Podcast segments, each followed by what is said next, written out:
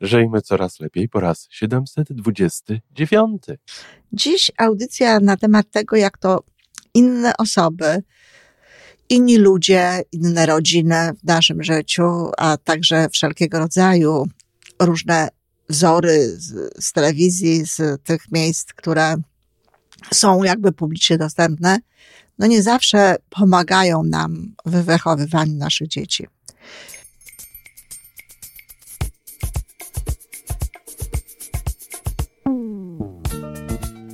Witamy w kolejnym odcinku podcastu Żyjmy Coraz Lepiej, tworzonego przez Iwonę Majewską Opiełkę i Tomka Kniata. Podcastu z dobrymi intencjami i pozytywną energią, ale także z rzetelną wiedzą i olbrzymim doświadczeniem we wspieraniu rozwoju osobistego. Chodzi nam o to, aby ludziom żyło się coraz lepiej, aby byli coraz bardziej spełnieni, radośni i szczęśliwi. A że sposobów na spełnione życie jest tyle, ile nas, więc każdy musi znaleźć ten swój. A teraz już zapraszam do wysłuchania kolejnego odcinka.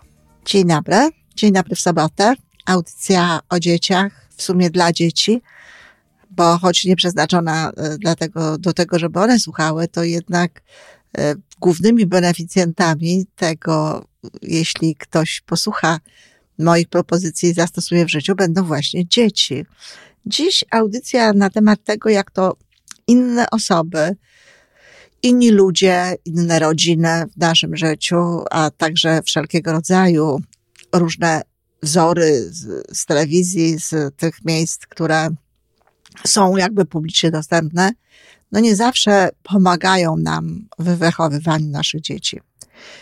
Y, żyjemy w czasach, kiedy bardzo łatwo jest y, się mm, porównywać, bardzo łatwo jest rywalizować, bardzo łatwo jest czuć się niedobrze wtedy, kiedy się odstaje, kiedy inaczej się wygląda, kiedy inaczej się zachowuje, kiedy ma się inne rzeczy czy inny strój. Niestety, żyjemy w takiej kulturze i ta kultura dociera już do Polski, właściwie jest już w Polsce. Żyjemy w takiej kulturze takiego trochę, no niestety, nie bójmy się tego słowa, blichtru, y, takiego, takiej fascynacji tym, co materialne, tym, co no w jakimś sensie powszechne, aczkolwiek często jest to nowe. Y, w Stanach w Kanadzie te, pewne elementy takiego zachowania istniały zawsze. Ja pamiętam, jak e, pierwszy raz przyjechałam do, do Kanady tutaj i oglądałam filmy, w których rodzice szaleńczo szukali jakiegoś prezentu konkretnego, jakiejś konkretnej zabawki dla dziecka na święta, ponieważ media, całe, całe działania marketingowe wypromowały to w taki sposób, że wiadomo było, że to jest coś, co trzeba mieć, coś, co dostanie każde dziecko, coś, co dostanie przynajmniej każde dziecko rodzica, którego na to stać. I niestety y, dzieci bogatsze, dzieci, które stać było na różnego rodzaju y, rzeczy, na pewnego rodzaju stroje, były zazwyczaj w szkole bardziej popularne. To, że ktoś jest bardziej popularny, no nie jest może jeszcze takim czym, czymś niedobrym dla innego dziecka, ale kiedy z tego powodu, że tak się to dziecko traktuje e, gorzej, właśnie dlatego, że nie ma tego czy tamtego, wyśmiewa się z niego, to już wtedy zaczyna to być problem. To jest już coś, co nie jest dobre. I powiem szczerze, że akurat to jest naprawdę prawdziwym wyzwaniem dla rodziców. O ile cały szereg rzeczy, o których rodzice mówią jako o e, rodzicielskich wyzwaniach, kłopotach i nie wiedzą, co z tym zrobić, właściwie są dość proste do załatwienia, o tyle radzenie sobie właśnie z tym, że inne dzieci mają to, tamto czy coś innego, że innym dzieciom wolno jest to czy coś innego, a mnie nie, mówię teraz z pozycji dziecka, jest naprawdę sporym wyzwaniem. Jeżeli chcemy wychowywać nasze dzieci w zgodzie, a serdecznie proponuję, w zgodzie z tymi wartościami, jakie my uważamy za słuszne, I jeśli nie widzimy żadnej wartości w jakimś zautomatyzowanym, nie wiem, niszczycielu, czy w jakiejś, myślę tu o zabawce, czy w jakimś innym, bo to zazwyczaj są bardzo dziwne zabawki, w jakimś innym stworku, stworze, nie widzimy niczego takiego, co chcielibyśmy, aby nasze dziecko miało. Trzeba pamiętać, że w takim wypadku tworzy się w ogóle inny system wartości w domu. Dzieci muszą mieć alternatywę. Dzieci muszą mieć coś, co pozwoli im myśleć w kategoriach: OK, nie mam tego, ale mam za to dużo czasu spędzanego z rodzicami, mam ich serdeczną uwagę, e, zawsze mnie słuchają, są dla mnie wsparciem, mogę z nimi o wszystkim rozmawiać. W naszym domu jest dużo radości, dużo śmiechu, dużo rzeczy robimy razem. Po prostu musi być coś, co daje tym dzieciom autentyczną radość i poczucie tego, że są kochane i że w ich domu jest dobrze, że ich dom jest dobrym domem, że to, co oni mają, tak naprawdę jest wartością. I w takich sytuacjach dzieci lepiej sobie radzą, radzą, bo tak, czasami muszą sobie radzić. Radzą sobie w szkole z pewnego rodzaju atakami czy wyśmiewaniem, a przede wszystkim nie pragną tego samego, co mają inne dzieci, ponieważ mają coś, co tak naprawdę dla każdego dziecka w gruncie rzeczy jest największą wartością. Dzieci, które są kochane, dzieci, które są naprawdę kochane, dzieci, które są y, traktowane w sposób y, taki, że widzą właśnie tę miłość, dzieci, z którymi rodzice spędzają dużo czasu, gdzie jest cały szereg aktywności, naprawdę są szczęśliwe. I gdyby nie ta telewizja, gdyby nie chodzenie właśnie do szkoły, gdzie pokazuje się te różne rzeczy, które się ma, to w ogóle nie miałyby nawet cienia jakiegokolwiek e, problemu, czy jakiegokolwiek e, żalu, czy, czy w ogóle poczucia, że czegokolwiek im brakuje. Byłyby szczęśliwymi dziećmi.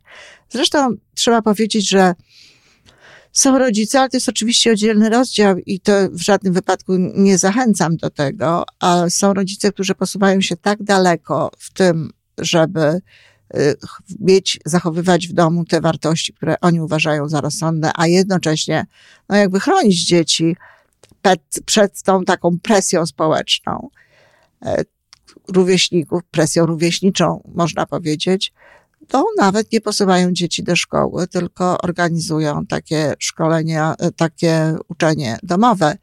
Nawet w Polsce to jest coraz bardziej popularne. Zastanawiałam się nawet, czy po tej, po okresie tej pandemii nie wzrośnie liczba osób, które będą chciały robić to właśnie w taki sposób.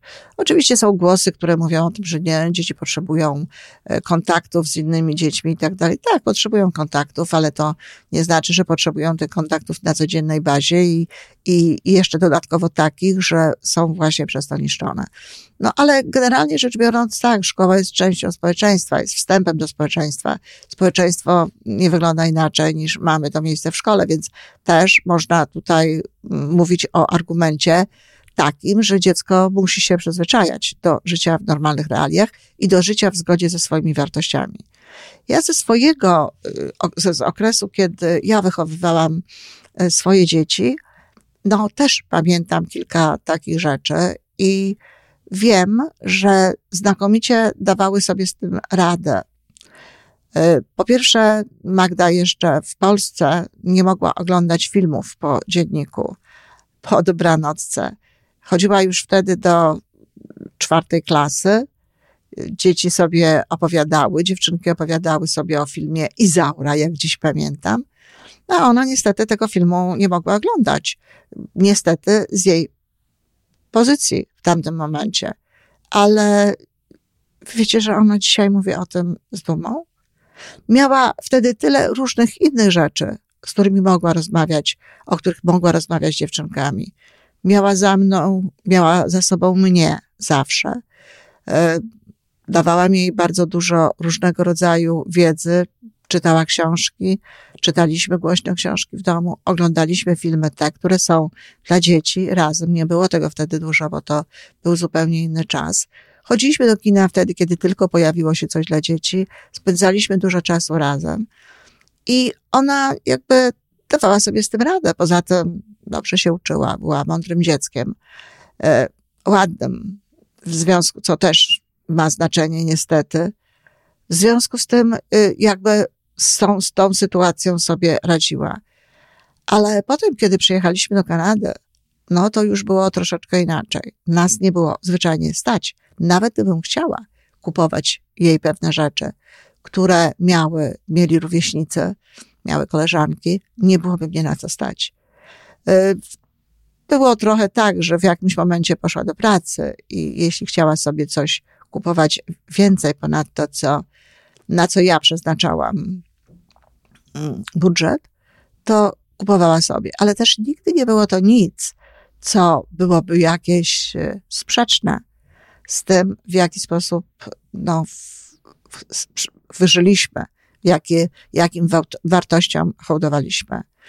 Z Weroniką rozmawiałam nawet ostatnio na temat tego, kiedy opowiadała mi o swojej koleżance, która, i teraz proszę zobaczyć, zerwała stosunki ze swoją matką. One są już dorosłe, Weronika ma 37 lat, tamta jej koleżanka jest w tym samym wieku.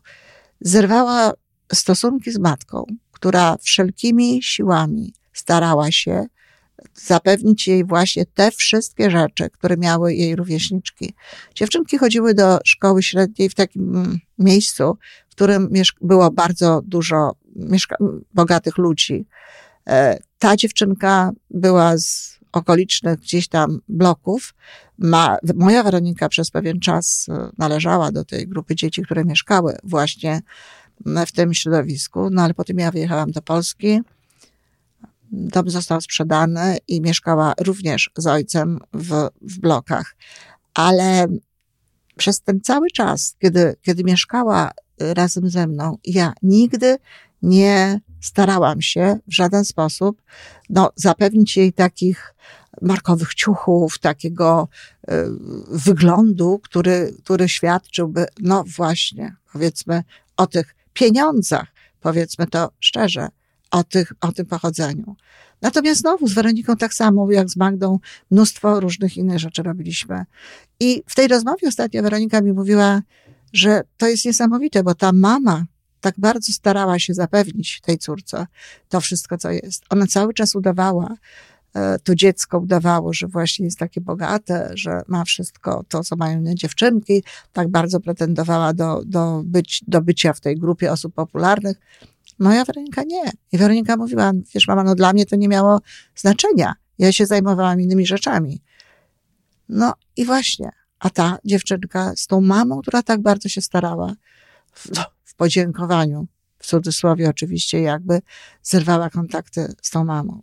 Teraz jest bogata, autentycznie, zdobyła jakąś y, pozycję, i te, nawiasem mówiąc, internetową, instagramową. Jest chyba influencerką, no co bardzo by się zgadzało z jej sposobem życia i podejścia. I w ogóle nie kontaktuje się z matką, z tą matką, która tak bardzo się starała. Więc pytanie, bo czasami rodzice robią to właśnie po to, żeby, żeby pokazać tym dzieciom, jak bardzo je kochają, a okazuje się, że wcale to nie daje trwałego efektu. A zatem co robić, w jaki sposób do tego podchodzić, co robić, kiedy mamy zasadę, że dzieci nie chodzą po nocach, co robić, kiedy mamy zasadę, że na przykład w domu dzieci nie piją, tak było zresztą u mnie, nie piją Coca-Coli czy jakichś innych tego rodzaju napojów, że nie oglądają pewnych rzeczy, nie oglądają pewnych filmów, nie mogą przez cały czas siedzieć przy komputerze, nie mogą przez cały czas grać są zasady i są wartości. Jeszcze raz powtarzam. Więcej czasu spędzać z dziećmi, rozmawiać z nimi, być dla nich, tłumaczyć im, dlaczego tak jest, być dla nich wzorem, samemu funkcjonować w, w sposób, którego się wymaga od nich i pokazywać im wartość tego prawdziwego świata, tego świata, gdzie ważniejsze są e, idee, wartości, miłość, wzajemne relacje, dobra sztuka, dobra literatura, wszystko to, co przecież dzieci chętnie również przyjmują, jeśli tylko będzie się im te rzeczy pokazywać. I naprawdę zamiast pozwalać im chodzić e, regularnie na jakieś e, imprezy e, prywatkowe, czy dyskoteki, czy jakkolwiek to się w tej chwili nazywa, i kupować im markowe ubrania. Będziemy zabierać je na koncerty, do opery, będziemy razem podróżować, będziemy uprawiać różnego rodzaju turystykę, dużo czasu spędzać na zewnątrz, w, ruchu, na rowerach, z, z udziałem innych też sportów, to te dzieci będą szczęśliwe. I nie będziemy mieli powodów do tego, aby odpowiadać na, na pytania czy zarzuty. A Magda, czy a Ania, a Wojtek, a rodzice Hani, Basi, Kasi.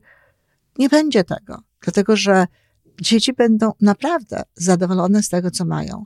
Tylko wtedy są nieszczęśliwe, kiedy nie mają tego, co mają inni, a nie mają również czegoś bardzo istotnego w zamian. Pomyślcie o tym, rodzice, dlatego że w dorosłym życiu bardzo często potem całe życie takich dzieci, gdzie rodzice za wszelką cenę starają się dać im to, co właśnie mają inne dzieci, co jest w innych domach, no przyjmują po prostu taki model na życie. A w życiu naprawdę nie o to chodzi, a przynajmniej nie tylko o to. Dziękuję. I to wszystko na dzisiaj. Podcast Żyjmy Coraz Lepiej jest stworzony w Toronto przez Iwonę Majewską-Opiełkę i Tomka Kniata. Sześć razy w tygodniu przygotowujemy dla Was nowy, ciekawy odcinek. Jeżeli lubisz nas słuchać, to prosimy o reakcję. Polub nas, skomentuj, tak jakbyśmy sobie po prostu rozmawiali. Zapraszamy do darmowej subskrypcji. Jesteśmy dostępni na każdej platformie, gdzie można słuchać podcastów. Wystarczy nas tam poszukać. A po więcej informacji zapraszamy na stronę www.majewska-opiełka przez l.pl. Jesteśmy też na Facebooku i na Instagramie. Jeżeli uważasz, że nasze podcasty pomagają Ci w Twojej drodze do jeszcze lepszego życia, to proszę, przedstaw nas swoim przyjaciołom. Do usłyszenia.